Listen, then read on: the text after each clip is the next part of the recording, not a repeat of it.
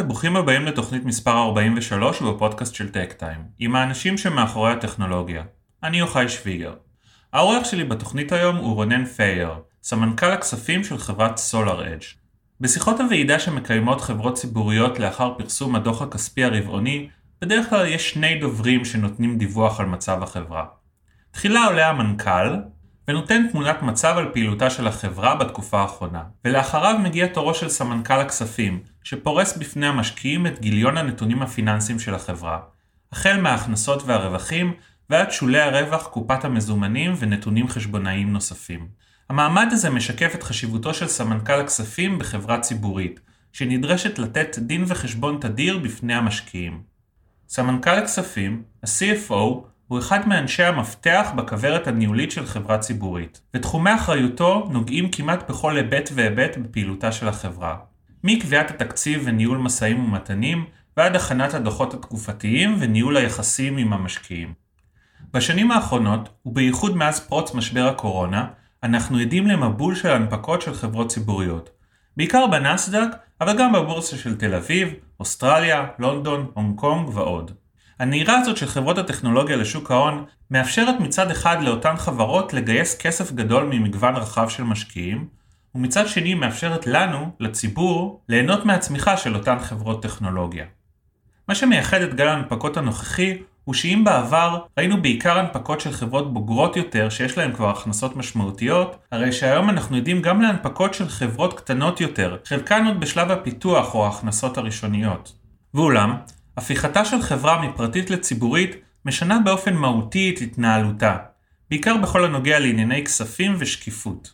למעשה כשחברה הופכת לציבורית היא מקבלת על עצמה בוס נוסף, שוק ההון, וגם פיקוח הדוק מצד גופים נוספים כמו למשל הרשות לניירות ערך. כדי להבין את ההשלכות של הטרנספורמציה הזאת, הזמנתי לפודקאסט את רונן פייר, סמנכ"ל הכספים של חברת SolarEdge, שנחשבת לאחת החברות המובילות בעולם בתחום פתרונות ההספק לפאנלים סולאריים. רונן הצטרף לסולאר בסוף שנת 2010, כשהייתה עוד בתחילת דרכה המסחרית ורשמה הכנסות ראשונות. לרונן היה ניסיון קודם בחברות טכנולוגיה ציבוריות, וזו גם הייתה משימתו העיקרית הראשונה בסולאר להכין את החברה להנפקה בנסדק. כיום, יותר מעשור אחרי, סולאר פעילה בעשרות מדינות, ונחשבת לאחת החברות המובילות בתחומה. הכנסותיה ברבעון השלישי של 2021 הסתכמו ביותר מחצי מיליארד דולר, והיא נסחרת בנסדק לפי שווי שוק של כמעט 15 מיליארד דולר. לאחרונה אף נכנסה למדד ה-S&P 500, שכולל את 500 החברות המובילות בשוקי ההון בארצות הברית. דיברתי עם רונן על המסלול המקצועי שהוביל אותו לעמדתו הבכירה בסולארג', על מערכת היחסים העדינה בין חברה למשקיעים, וגם על האומץ לקבל לעיתים החלטות שייתכן שאינן לרוחו של שוק ההון. שתהיה האזנה נעימה. רק אציין שאיכות השמע בדקות הראשונות של השיחה משובשת מעט, אבל אני מבטיח שהשיחה מעניינת מאוד ועל כן המאמץ משתלם. שלום רונן ותודה רבה שהסכמת להשתתף בפודקאסט שלנו. אתה סמנכ"ל הכספים, CFO של חברת SolarEdge. הפודקאסט שלנו בעיקר עוסק באספקטים הטכנולוגיים, אבל ככה אנחנו ננצל את היותך סמנכ"ל כספים של חברה ציבורית, בינלאומית, יחסית גדולה, כדי קצת להבין את ה... מאחורי הקלעים של התנהלות פיננסית של, אה, של חברה מהסוג הזה. אני אשמח אם בהתחלה קצת תספר לנו על דרכך המקצועית, על ההכשרות שלך, אנחנו ככה מכירים מסלולים שעושים אנשים טכנולוגיים, הייתי שמח ככה לקבל הצצה על מסלול שעובר איש כספים בדרך למשרה, לתפקיד ניהולי בכיר כזה. אז אני לא בטוח שיש דרך מקצועית אה, שהיא אה, מוגדרת מאוד איך להיות אה, סמנכ"ל כספים בחברה, ואני חושב שדרך אגב, דווקא התקופה האחרונה שאנחנו רואים הרבה מאוד הנפקות וצורך מוגבר לאנשי כספים בתפקידי CFO, גורמים לזה שיש כנראה יותר מדרך אחת כדי להיות CFO. הדרך שלי הייתה, אני חושב, הקלאסית יותר, או לפחות המובנית יותר אה, מול מה שרואים היום. אה, למעשה, זה מתחיל בהשכלה. אה, אני רואה חשבון במקצועי, למדתי תואר ראשון בכלכלה וחשבונאות, עשיתי סטאז' במשרד רואי חשבון, שבסיומו השתלבתי לתוך חברת הייטק שנקראת ווקלטק תקשורת, ונקראה ווקלטק תקשורת, החברה שלמעשה פצחה את עידן ה-voice over IP, היכולת להעביר שיחות טלפון על גבי האינטרנט. שימשתי שם אה, כחשב בחברה, החברה הייתה חברה נסחרת נסדק, לא גדולה מדי, לא צומחת כל כך, אבל מבחינת כל דרישות הדיווח, נקרא לזה תחומי ההתעסקות, עסקנו שם בכל, כי בעצם ברגע שאתה חברה ציבורית אין לך אמצע, חייב לעמוד למעשה בכל הדרישות. העובדה שזו הייתה חברה טכנולוגית הייתה מקרית? יכלת באותו מידה לנחות בחברה, ש... חברת מזון, או שהתחום הזה עניין אותך? לא, זה, זה לא היה מקרי בכלל, אתה יודע, זה מצחיק שאתה מציין את זה, כי בהיותי סטאג'ר, אחת מהחברות שהייתי עושה בהן ביקורת הייתה חברת מזון, והציעו לי להצטרף, ופחות רציתי, כי רציתי ללכת לטכנולוגיה. אבל אני חושב שבסך הכל, הרצון להיות בחברת טכנולוגיה זה דבר שמאוד משך אותי כבר בשלב הלימודים, ואני חושב שדי התבייתתי לכך אפילו ברמת הסטאז' שעשיתי, כיוונתי למשרד שעושה ביקורת בחברות טכנולוגיה, מתוך ידיעה שלאחר סיום ההתמחות, הסטאז' אני אוכל להצטרף לאחת מהן. אז כן, ממש התכווננתי לעולם הטכנולוגיה. בדרך כלל הסוגיות החשבונאיות בעולם הטכנולוגיה הן קצת יותר, נקרא לזה ממוקדות, בעיקר בעולמות של הכרה בהכנסה ואיך מתייחסים להוצאות מסוימות, והרבה פעמים, אתה יודע, אתה לא יודע, אבל כשאתה מתחיל סטאז' איפה שאתה ממקד את עצמך בהתחלה, זה משפיע על המשך הדרך שאתה קדימה. זה לא שזה בהכרח קובע איפה תסיים, אבל הוא מתחיל כן לקבוע את הכיוון. אז באמת התחלתי לעבוד בסולר, סליחה, בפוקלטק, הייתי שם חשב במשך ארבע שנים, למדתי שם המון. למדתי גם על איך עושים דיווח כספי לחברה ציבורית מסתרת. למדתי בכלל על מה זה, איך עובדת הנהלה של חברת טכנולוגיה ואיך עובדת חברת טכנולוגיה מבחינת מחזורי חיים של מוצרים ומבחינת העבודה שלה מול לקוחות. יש יתרון מאוד גדול בלהיות חשב צעיר בחברה, בזה שאתה די יושב קרוב ורואה את הנהלה עובדת, אבל אתה לא חלק ממנה, אז אתה יכול להסתכל בצורה יחסית קרה ושקולה על מה שהם עושים, ואחר כך לנתח מה הם עשו טוב ולא טוב, בלי שתהיה מעורב, נקרא לזה רגשית או מקצועית. בתחילת שנת 2004 עברתי לחברת M-Systems, M-Systems אז הייתה חברה שהתחילה את הפריצה שלה עם אוגוסט קי, וחוויתי שם שלוש שנים מדהימות, לא פחות מזה, התחלתי למעשה בתור director finance, ולמעשה מצאתי את עצמי בתפקיד שהוא התפקיד הכי כיף שעשיתי, אני חושב, עד הגיעי בסולאראדג'. הייתי director finance שליווה את העסקאות, שביצעה M-Systems, והייתי מעורב בעסקאות רכישה, והייתי מעורב בעסקאות של משא ומתן, והיו לי מורים מצוינים, החל בדוב מורן כמובן, שניהל את M-Systems, רונית מאור, שהייתה סמנכ"לית כספים, ולמדתי ממנה כמעט אין קץ של דברים. היית גם במכירה של החברה, בסנדיסק? האמת שכן, מצאתי את עצמי כחלק מאירוע המכירה למעשה בשני מובנים. אחד זה שעם ההתקדמות שלי ב M-Systems הייתי מעורב בכל העסקאות בהיבטים הפיננסיים, ניסויים, בכל העסקאות ש M-Systems עשתה, ומן הסתם, מאחר זו הייתה עסקת רכישת מניות, או החלפת מניות, הייתי מאוד מעורב, באותה תקופה גם הייתה חקירת נושא של תמחור אופציות ב M-Systems שהביאה לזה שגם שימשתי כ-CFO של M-Systems בתקופת המעבר עד הרכישה של סנדיסק. אז כן, הייתי ממש בתוך האירוע הזה, הייתי בבית המשפט כשחתמנו על צו, נקרא לזה המיזוג של סנדיסק ו-M-Systems, עשינו את זה, נשבר לי הלב יחד עם כל עובדי M-Systems ביום שלאחר הרכישה לבוא ולראות כבר את השלט של סנדיס, שהייתה עד אז מתחרה מאוד גדולה שלנו על ה...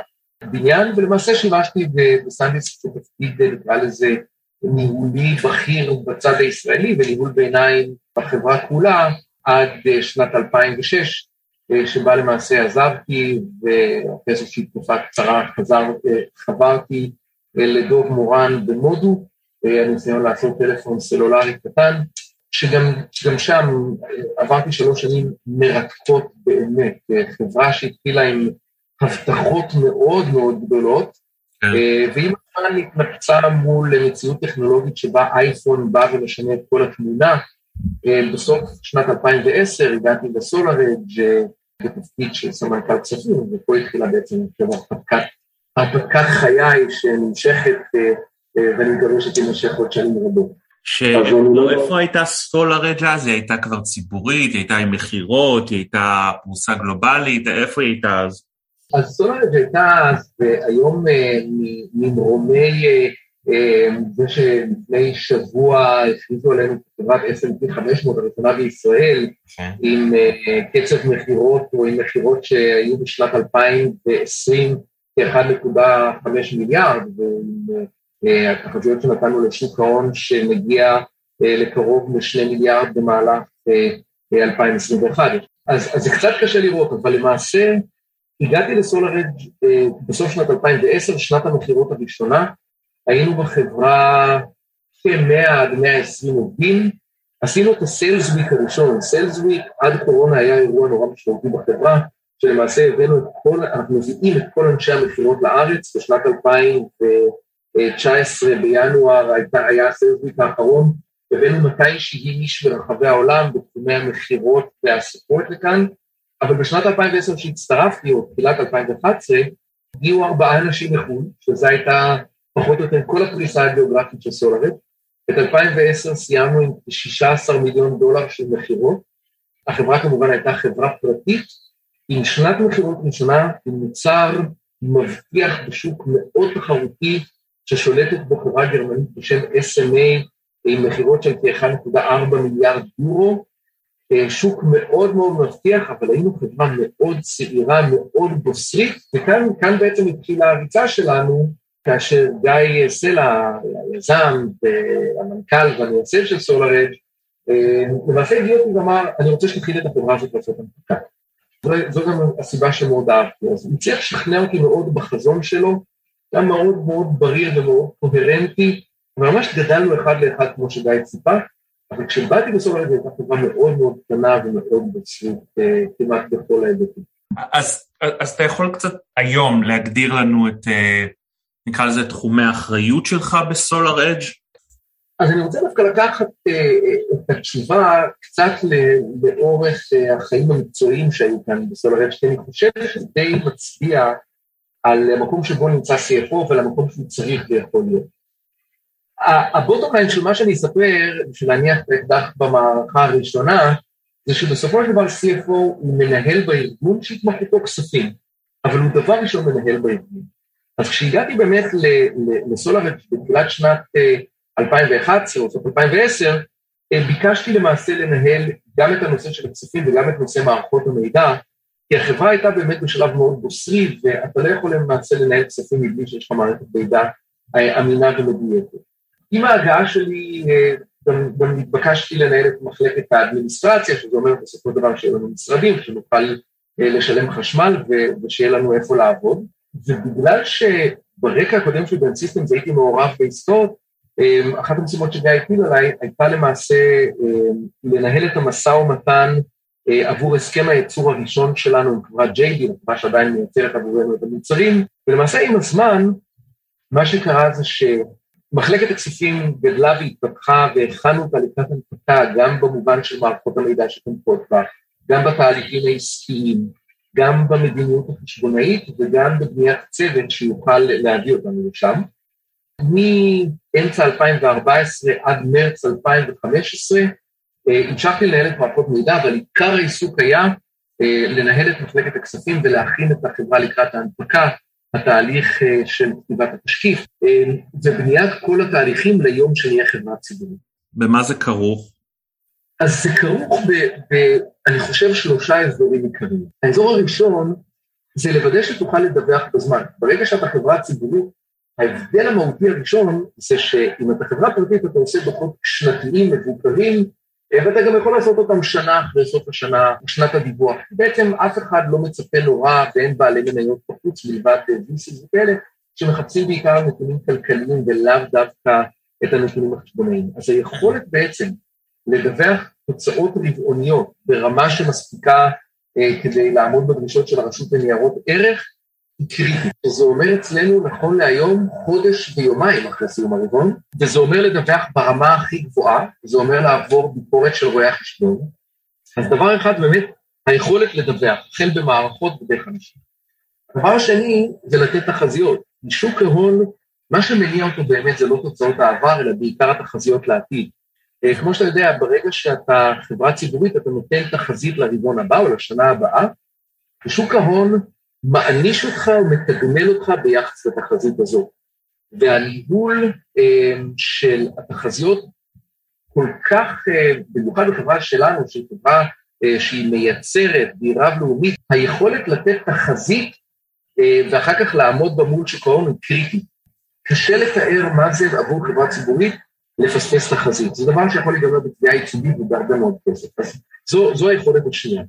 והיכולת השלישית זה היכולת למעשה לתקשר ולדבר עם משקיעים, כי ברגע שאתה חברה ציבורית, יש עולם שלם שנקרא IR, Investor Relations, שזה אומר בעצם הצורה שבה החברה מתקשרת עם המשקיעים שלה, כדי גם לייצר את האמון בחברה וגם לאפשר למשקיעים, אומנם לקבל מידע ציבורי שפנוי לכולם, אבל מאפשר למשקיעים בעצם לקבל את ההחלטות האם להשקיע במדינת החברה, האם להחזיק בהם, אה, ולמשקיעים פוטנציאליים לראות אם הם רוצים להיכנס לתוך ההשקעה בחברה. אני רוצה כזה לפרק את אה, כל אחד מהגורמים האלה שדיברת על לדווח בזמן, זה מתקשר למה שאמרת למערכות מידע, הכוונה היא שחברה ציבורית צריכה ויזביליות מאוד גדולה לתנועות הכספיות, למכירות, להכנסות?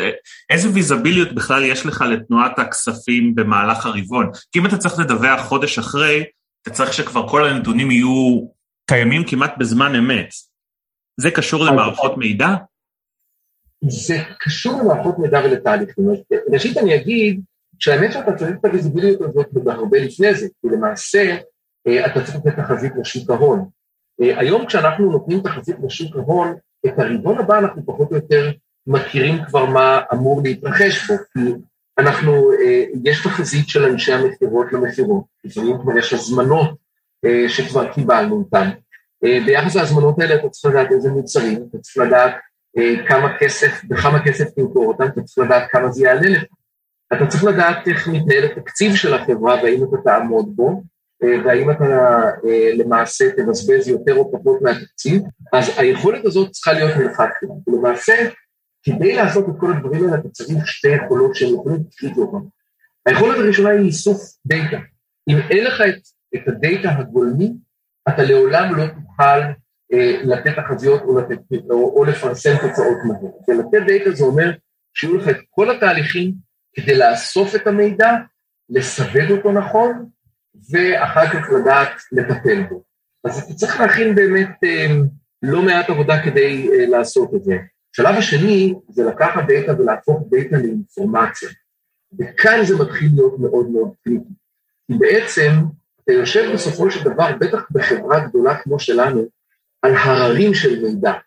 והררי המידע האלה, אם אתה לא יודע באמת אה, לנתח אותם, אתה לא יכול להגיע לגרסה אחת של האמת. אז שתי היכולות האלה של איסוף מידע וניתוח מידע הן קריטיות, ואת היכולות האלה אתה בונה עם הזמן, כי אתה בעצם מבין איזה מידע תצטרך ואיך תצטרך להגיש אותו.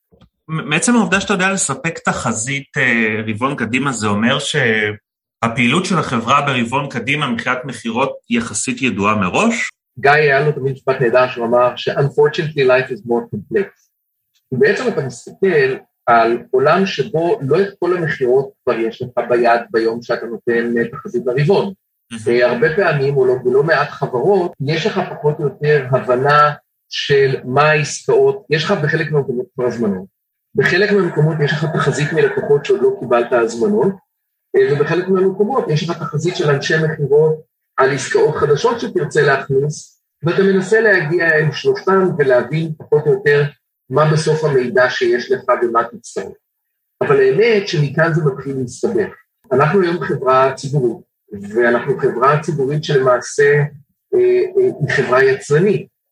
וכשאתה חברה יצרנית, זה כבר לא רק השאלה האם אתה יודע מה, מה ההזמנות שיהיו לך, אלא עכשיו מתחילות להיות שאלות. האם תוכל לייצר את כל מה שקיבלת?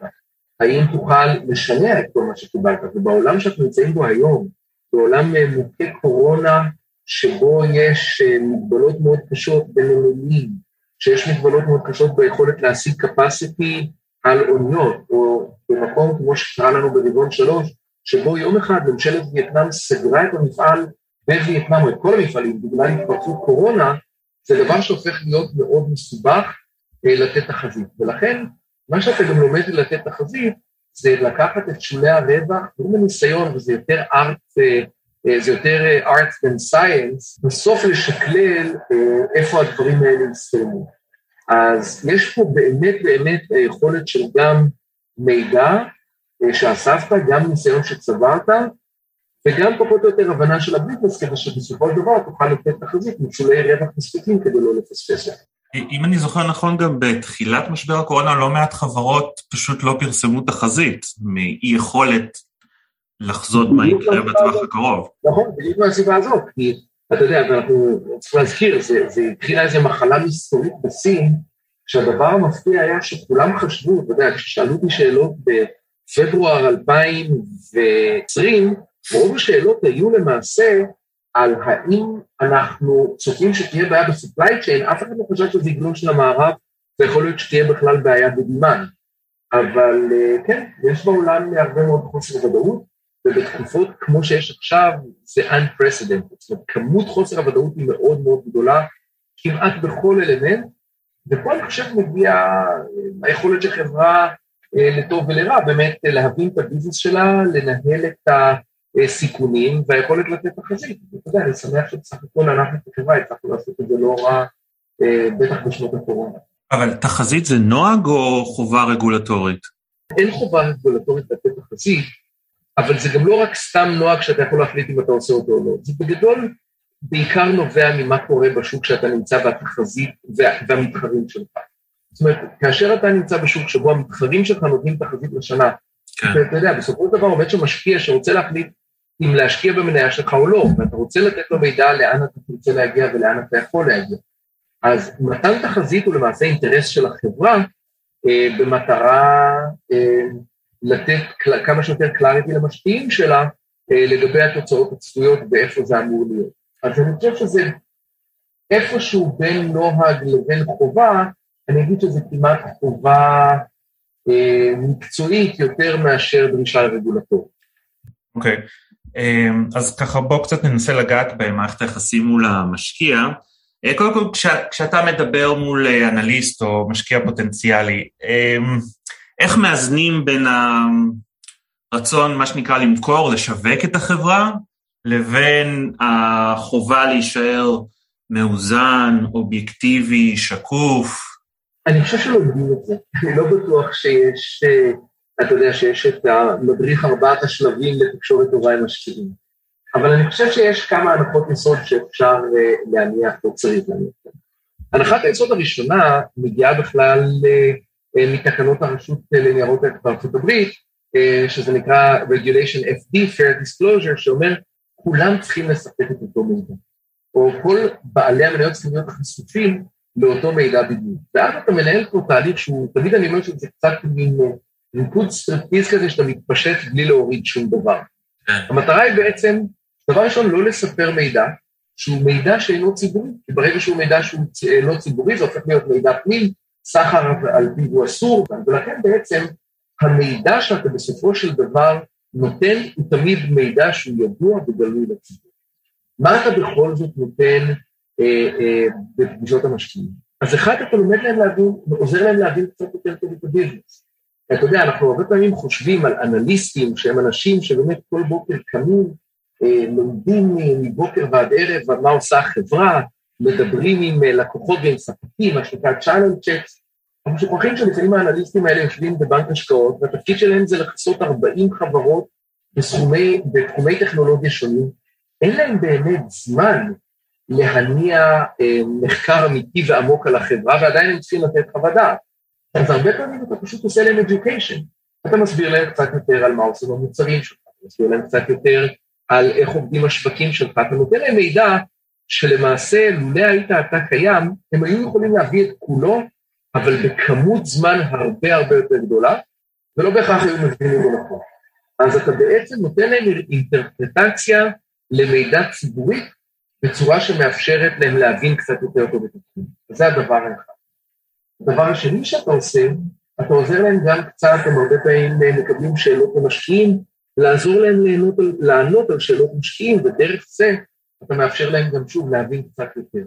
אז בסופו של יום זה באמת ריקוד מאוד עדין בין העובדה שאתה נותן אך ורק מידע ציבורי, ומצד שני אתה עוזר בצורה נהירה ופשוטה ככל האפשר, להסביר איך החברה עובדת, מה מניע אותה, כדי שהם בסופו של דבר יוכלו לעשות אנליזה ולתת את חוות הדעת שלהם לגבי איך החברה תמשיך להתנהל ומה אמורים להיות התוצאות שלה בהמשך.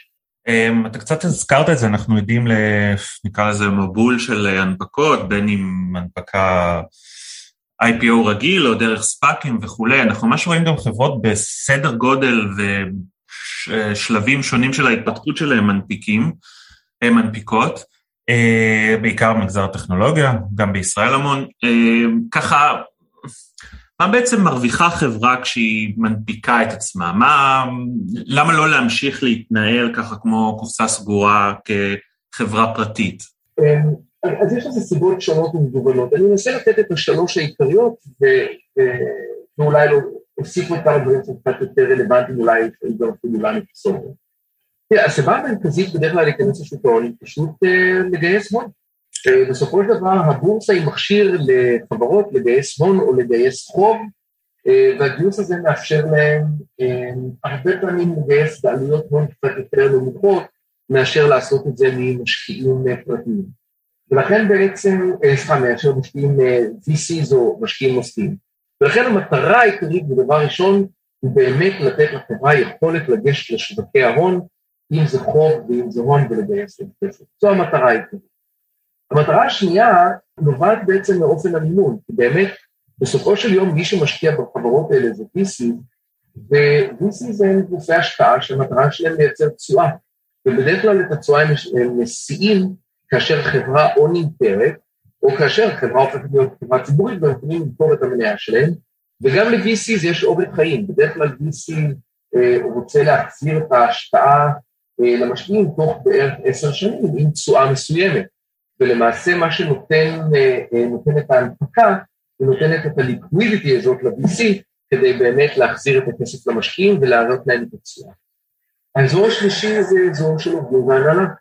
אתה מגיע לסטארט-אפ, אתה מגיע לחברת טכנולוגיה, זה חיים מורכבים. אתה יודע, יבוא מי שיגיד שעבודה קשה זה לעבוד במפעל 12 שעות על הרגליים, וכנראה יהיה צודק, אבל באמת יש גם, אמ, ואולי לפעמים כל הארץ נהדרת וסדרות כאלה עושות קצת לא טוב אה, בתחושה אה, או בהבנה של מה זה אומר, אבל מדובר בשעות מאוד מאוד ארוכות.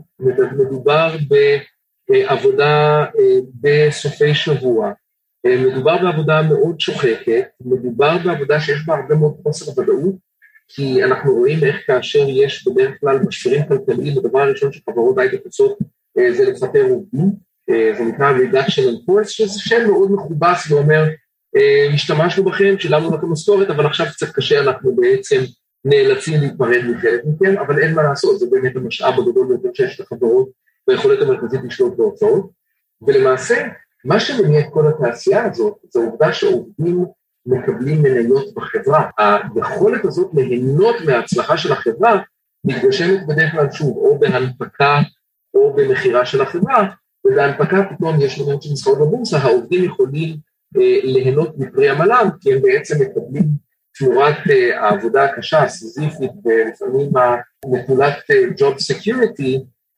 מקבלים בעצם מניות ויחידות השתתפות בחברה. אז זה בעצם מה שאתה מקבל, אבל יש לזה עוד כל מיני היבטים שהם לפעמים לא ברורים. למשל, אה, כשסולארד למעשה אה, התחילה לגדול, ואנחנו באמת הגענו כבר להנפקה עם מכירות, פתאום זה נראה נורא נמוך, אבל 325 מיליון דולר בשנה אה, ברווחיים, אז כאשר אנחנו הגענו לשלב הזה, משקיעים באנרגיה סולארית רצו לדעת, בעיקר משקיעים פיננסיים, שכשחברה נותנת אחריות למוצרים שלה, היא בטוחה והיא נמצאת שם. והדרך של להיות חברה ציבורית שבעצם מכריחה את החברה לדווח את התוצאות שלה החוצה, מהווה פתיחה של הקימונו בצורה כזאת שכולם יודעים לטוב ולרע מה יש לנו, אם אנחנו רווחיים או לא, כמה היתרות המזומנים שיש לנו, מה היחסים הפיננסיים ומידת ההתאמות שלנו, ולנו כחברה, באותו שלב יחסית צעירה, אה, בתחום, בתחום אה, הממירים הסולאריים, כאשר רוב הצרכנים הסופיים שלנו בעצם משקיעים פיננסיים, היכולת של לדווח בשקיפות אה, ולהראות בעצם נתונים כספיים גרמו לזה שיכולנו להגיד, הנה תסתכלו, אנחנו בסדר גמור, אנחנו גדלים, אנחנו רווחים ואנחנו יודעים לעמוד מאחורי ההבטחות שאנחנו נותנים ללקוחות שלנו בעולם של וורנטי וספורט. אז, אז אתה חושב שזו הסיבה שאנחנו רואים הרבה הנפקות בתחום האוטומוטיב של חברות טיר uh, 2 אפילו, שכדי כאילו לעשות ביזנס עם uh, יצרניות רכב טיר uh, 1 אתה צריך להיות חברה שקופה יותר? אני לא בטוח. אני חושב שמה שקורה היום, וזו פרשנות שלי בלבד, אבל אני חושב שהיום השווקים, uh, אנחנו נמצאים בעולם של שווקי הון שהם מאוד רספטיביים בגלל כמות הכסף שנמצאת שם, גם להנפקות בשלבים קצת יותר מוקדמים. אנחנו רואים מצד אחד חברות שמנפיקות ברמת הבשלות הנכונה. זה אומר בעצם שכבר יש להם מכירות, שיש להם trajectory טוב של גדילה, שיש להם יכולת אה, אה, לחזות את המשך הגידול שלהם אה, ולהבין טוב את ה business. זה בדרך כלל החברות שבוחרות ללכת במסלול ה-IPO הרגיל, כי זה המסלול הנוח. מצד שני אתה רואה חברות שהן חברות צעירות יותר, שנטל ההוכחה עדיין נמצא על הכתפיים שלהן, אבל בעצם העובדה שלהן לצאת ולהיות חברות ציבוריות, הן או מצליחות לגייס סכומי כסף גדולים יותר, אה, אולי בוולואציות יותר טובות מאשר היו עושות את אה, אותן חברות לא היו מגייסות מ-VCs, ואני חושב שהן באמת עושות, אה, כמו שנאמר, כסף אתה מגייס כשאתה יכול ולא לא כשאתה צריך. כן. אני חושב שחלק ניכר מהחברות שגויסו בשנים האחרונות, בשנתיים האחרונות, בעיקר בכלים של ספאקים, בעצם באו והפכו את הציבור להיות סוג של קרן הון סיכון. זה חברות שנמצאות בשלב ראשוני יותר, אני לא יכול להגיד בהכללה, אבל חלקן לפחות, נמצאות בשלב ראשוני יותר של הביזנס, אה, נמצאות בשלב שבו אי הוודאות מאוד גדולה, והכניסה שלהם לשוק ההון מאפשרת להם לגייס סכומי כסף גדולים ובוולואציות שכנראה לא היו עושות את זה, לא היו פונות לשוק ה-VC או שוק החוב הרגיל, ואני חושב שפה הם עושים אה, אולי נכון מבחינתם, באמת אה, בעצם העובדה שהם יכולים לגשת להרבה כסף. יש לזה גם היבטים פחות חיוביים, אה, אתה יודע, בזה שמגייסים בבת אחת סכומי כסף גדולים מאוד, ועכשיו לך תתחיל להוציא אותו ולך תתחיל להסביר למשקיעים שאולי בעוד שלוש, ארבע או חמש שנים תתחיל למכור מה קורה כרגע בחברה ולנהל את הציפיות. אבל אתה יודע, אני, אני לא יודע להיכנס לשיקולים של כל ההנהלה, אני, אני מניח שכולם שוקדים אה, את זה בכובד ראש, כי יש מחירים אה, של להיות חברה ציבורית, מחירים לא פשוטים.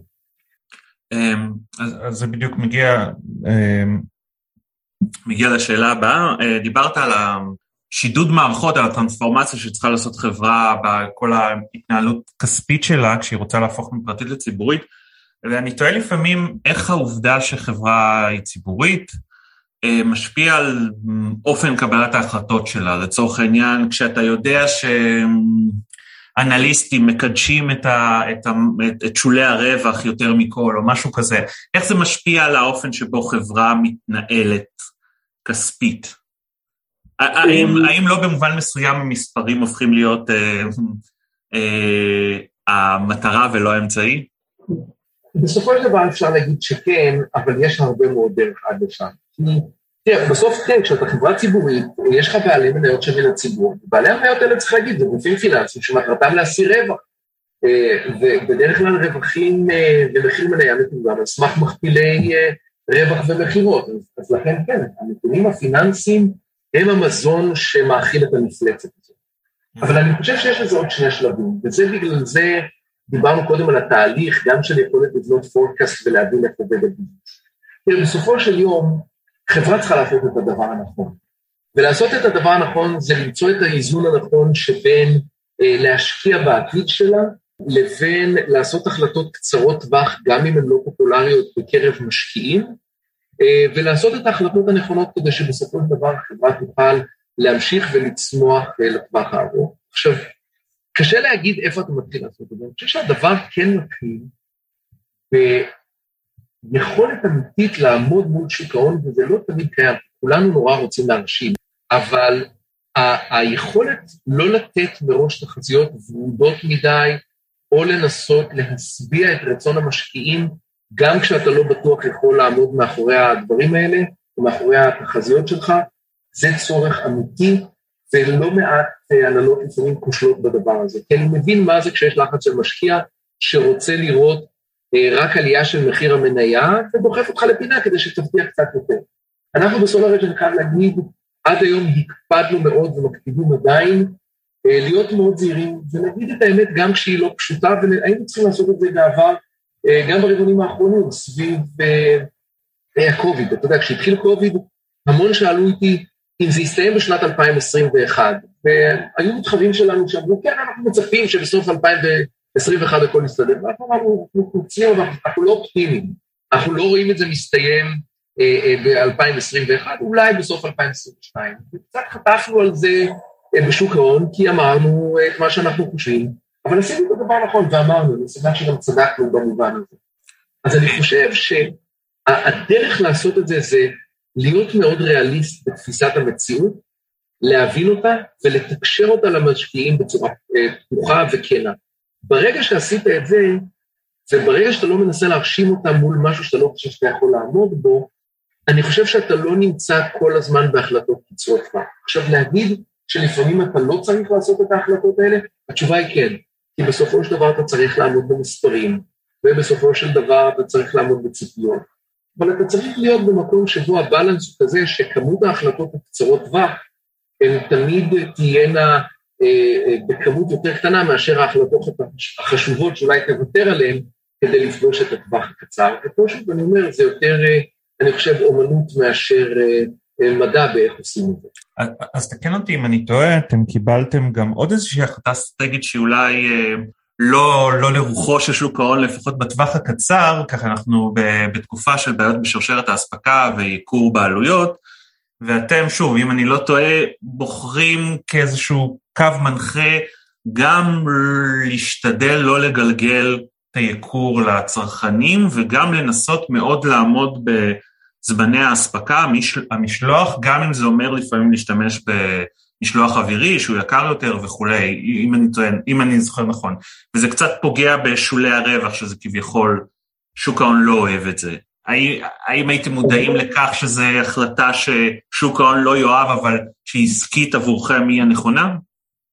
חד משמעית כן, אה, וזה באמת הדוגמה המצוינת אה, למה שאמרתי קודם. הלוא בסופו של יום אה, חברות לא נבנות לטווח קצר, ורוב השחקנים בתחום הם שחקנים שיהיו לעוד שנים רבות. היכולת שלנו לעמוד מול לקוח ולהגיד לו, תשמע, תסמוך עלינו, אתה תספיק, אתה תמכור את כל מה שאתה צריך. תסמוך עלינו, אתה תתקין את מה שאתה צריך, תן בנו את האמון. והעובדה שהלקוח נותן בנו את האמון, שווה הרבה מאוד, כי זה אומר שאחר כך אה, אה, מגיעים לתקופות יותר קשות, הלקוח הזה עומד מאחוריך. אני אתן דוגמה ש, שממש מראה את זה, שאנחנו כן העלינו מחירים בתחילת, אה, או במהלך רבעון שלוש השנה, ובמצב הזה באמת הצלחנו לבוא ללקוחות שלנו ואמרנו, תסתכלו בשקיפות מלאה, המחירים כבר עלו, מחירי המשלוחים עלו, אנחנו צריכים שתשתתפו איתנו, ממש הצגנו בפניהם כמה אנחנו משלמים יותר על משלוחים, ואמרנו להם בואו נחלוק את זה. אני חושב שלא היה לקוח אחד שבא ואמר לנו, דרך אגב, גם על הזמנות שכבר קיבלנו והיו ביד עם מחיר, שלא אמר, לא היה כמעט לקוח שאמר לנו, אני לא מוכן שתעלו לי את המחיר. את הדבר הזה אתה יכול לקבל, במיוחד כאשר אתה עובד עם לקוחות בצורה שקופה והגונה. אז כן, אנחנו משתדלים כרגע לא להעלות מחירים, כי אנחנו מאמינים שהרוב טרנזיטורי. אנחנו כן משתדלים באמת אה, לוודא שלקוחות יסמכו עלינו, ואנחנו באמת מאמינים, ואני מקווה שאנחנו לא תמימים פה, שבסוף היום, גם כשהמצב משתפר והכל בסדר, הם זוכרים לך את, ה, אה, את המצב שהיית לצידם. עד היום אני חושב שזה עבד לנו, ואנחנו מאמינים שזה ימשיך לעבוד גם אה, בשנים אחרות. אתם גם כחברה יצרנית וגלובלית, אתם מתמודדים עם המון המון המון אתגרים שקשורים לייצור ומשלוחים ואספקה, וזה התחיל כבר במלחמת הסחר ובמכסים שהוטלו על סחורות שמיוצרות בסין שנכנסות לארה"ב, ועכשיו בכלל עם הקורונה, עם הלוקדאון, הזכרת את המפעל בווייטנאם, שגם חייב אתכם, אתם כל הזמן צריכים קצת uh, לשחק ככה שחמט על הלוח הגלובלי, לבדוק איפה הכי משתלם לייצר, איך הכי משתלם לשלוח וכולי. נכון מאוד, וזה, וזה בדיוק אותה אה, אה, נקודה שהעליתי קודם בעולם של ה-unfortunately life is more complex. אתה יכול שתהיה לך את היכולת הכי טובה לקבל הזמנות ולצפות אותן ומתי הן יגיעו, אבל יש לך ממש אה, עולם שלם של, של מוגבלות שלא בהכרח אה, אתה יכול לשלוט בהם. והחוכמה היא בסופו של יום באמת לנווט את הכל. אני חייב להגיד שאתה יודע, תמיד מדברים על צוות המכירות וה-R&D, אני חייב להגיד שיש לנו פה צוות אופריישנס ו-supply שהוא מהטובים ביותר שראיתי. החבר'ה האלה לא ישנים אה, אה, לילות, החבר'ה האלה מנהלים מאבקים מול ספקי אה, חומר ומול ספקים של יכולת הובלה, בצורה באמת מעוררת השתאות. ואחד הדברים שאתה יודע, לפעמים אתה רואה, וצירי המנכ"ל ואני שוחחנו על זה לפני שבוע באיזשהו הקשר, שאתה רואה מנהל רכש שפשוט נלחם, שפשוט נלחם ברמת אמוציות מול קבלן משנה שאומר שהוא לא יכול לתת רכיבים על משהו, וכמובן משיג בסוף את הרכיבים שצריך. ואתה רואה כי הוא מתייחס כאילו זה הביזנס של אבא שלו. וברגע שאתה מנהל חברה עם עובדים שבאמת רמת ההזדהות שלהם של החברה היא ברמה אמוציונלית כאילו הם נלחמים על הכסף של עצמם, קשה נורא שלא להצליח וקשה נורא שלא להתגבר על אתגרים כמו שיש עכשיו. אני חושב שבסוף, אתה יודע, אנחנו מדברים הרבה פעמים על חברה שיש לה את הנכסים הפיננסיים ויש לה את נכסי ה-IP, ואנחנו אה, אומרים את זה כמעט כלאחר יד שהמשאב החשוב ביותר זה המשאב האנושי.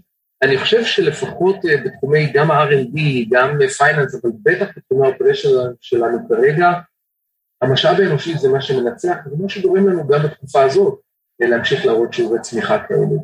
אם היו רק קצת מרימים ידיים, אני חושב שלא היינו נמצאים אה, בשיעורי צמיחה כמו שאנחנו מציגים היום למרות כל המגבלות.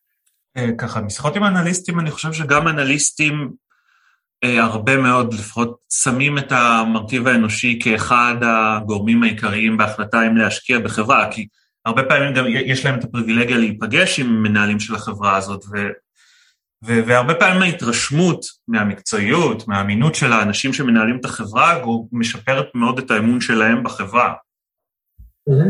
זה נכון ממש, ו, ו, וזה באמת אחד הדברים ששוב, אנחנו מאוד שמחים עליו, ושיש לנו דיאלוג טוב עם המשקיעים שלנו, אה, ועם האנליסטים, יש לנו היום כ-29 אנליסטים יחסים, זה מספר מאוד גדול, אה, ואני חושב שכן, אבל אתה יודע, זה מסוג הדברים שבאמת נבנים לאורך זמן. זאת אומרת, בסופו של יום אה, לוקח המון זמן לייצר את האמון הזה, אה, מאוד מהר אפשר לקלקל אותו כשמפספסים בחזיות, אה, ואחד הדברים שבאמת אני מאוד שמח שהצלחנו לעשות, החל מגיא, כמובן בהתחלה, ציבי היום ואני ושאר הצוות שלוקח פה חלק בתשעה המשקיעים, אני חושב שהצלחנו לייצר מערכת יחסים טובה ואמינה עם המשקיעים. והם יודעים שאנחנו לא סנדבגינג בתקופות טובות ולא אה, מסתירים דברים בתקופות רעות, ואני מקווה שבאמת נוכל להמשיך ולקיים את זה. זה בסופו של דבר דו-שיח שהוא מאוד חשוב בחיים של חברה ציבורית. אז אתה יכול ככה לקראת סיום, אנחנו ככה, אתה מסכים בשוק הסולארי, והשיח סביב אה, אנרגיות מתחדשות, משבר האקלים, ממש זינק משמעותית, מדינות מתכנסות בפסגות. אם פעם היה סקפטיות לגבי renewables היום אה, זה, זה, זה הדבר הכי חם. איך זה קצת משפיע על, ה, על ה business שלכם? מן הסתם זה באמת משפיע בצורה חיובית. אה, כמו שסיפרנו אה, בסוף הרבעון שעבר, אנחנו נמצאים מול צבר הזמנות מאוד גבוה. למעשה, אנחנו נמצאים במצב חצי מצחיק שבו demand הוא לא בעיה. אנחנו בעולם שכרגע הבעיה היא בעיקר לפגוש את ה demand עם supply chain, שזה אני לא בטוח שהרבה חברות אה, במחזור החיים שלהם רואים אירוע כזה. אנחנו באמת אה, נמצאים בסיטואציה נהדרת אה, מבחינת היחסים עם הלקוחות, ואני חושב שאתה יודע, כשאנחנו מסתכלים על זה היום, גם מול העובדים שאנחנו מגייסים פה, אנחנו נמצאים בתחום שעדיין נמצא בחיתולה, אנחנו רואים את משבר האקלים ואנחנו רואים את, את כל ההצהרות של מדינות, לאן הן רוצות ללכת ואיך הם מתכוונים להמשיך לפתח יותר את האנרגיה הסולארית. אנחנו מרגישים מאוד בנוח שאנחנו מספרים לעובדים שלנו שהם באים לכאן והם עוזרים לשנות את העולם ולעשות אותו קצת יותר טוב, ואנחנו בלי טיפה ציניות שזה המצב. ובאמת בעניין הזה, אה, העובדה שמחיר הטכנולוגיה הולך ויורד, שמחירי החשמל הולכים ועולים, מה שגורם לסולר אנרגי להיות הרבה יותר כלכלי, העובדה שהעולם כולו רוצה ללכת לעולם של זירו אמישן, כמובן דוחף לכיוון שלנו, והיכולת שלנו לתת פתרון טכנולוגי טוב, שם אותנו בעמדה שאנחנו מאמינים, יוכל לאפשר לנו להמשיך ולצמוח בעתיד, ואנחנו מקווים להיות חברה ישראלית מובילה בתחום הזה, וגאה במה שהיא יכולה לעשות עם העובדים הנהדרים שיש לה כאן וברחבי העולם. טוב, תודה רונן על השיחה המרתקת הזאת. אנחנו בטק טיים עוקבים אחריכם מקרוב ונמשיך לעשות את זה. זהו, המון תודה, בהצלחה. תודה רבה על ההאזנה, אני מקווה שנהניתם. אתם מוזמנים להמשיך ולעקוב אחר הכתבות באתר שלנו, techtime.co.il, להירשם לניוזלטר ולהקשיב לפרק הבא בפודקאסט.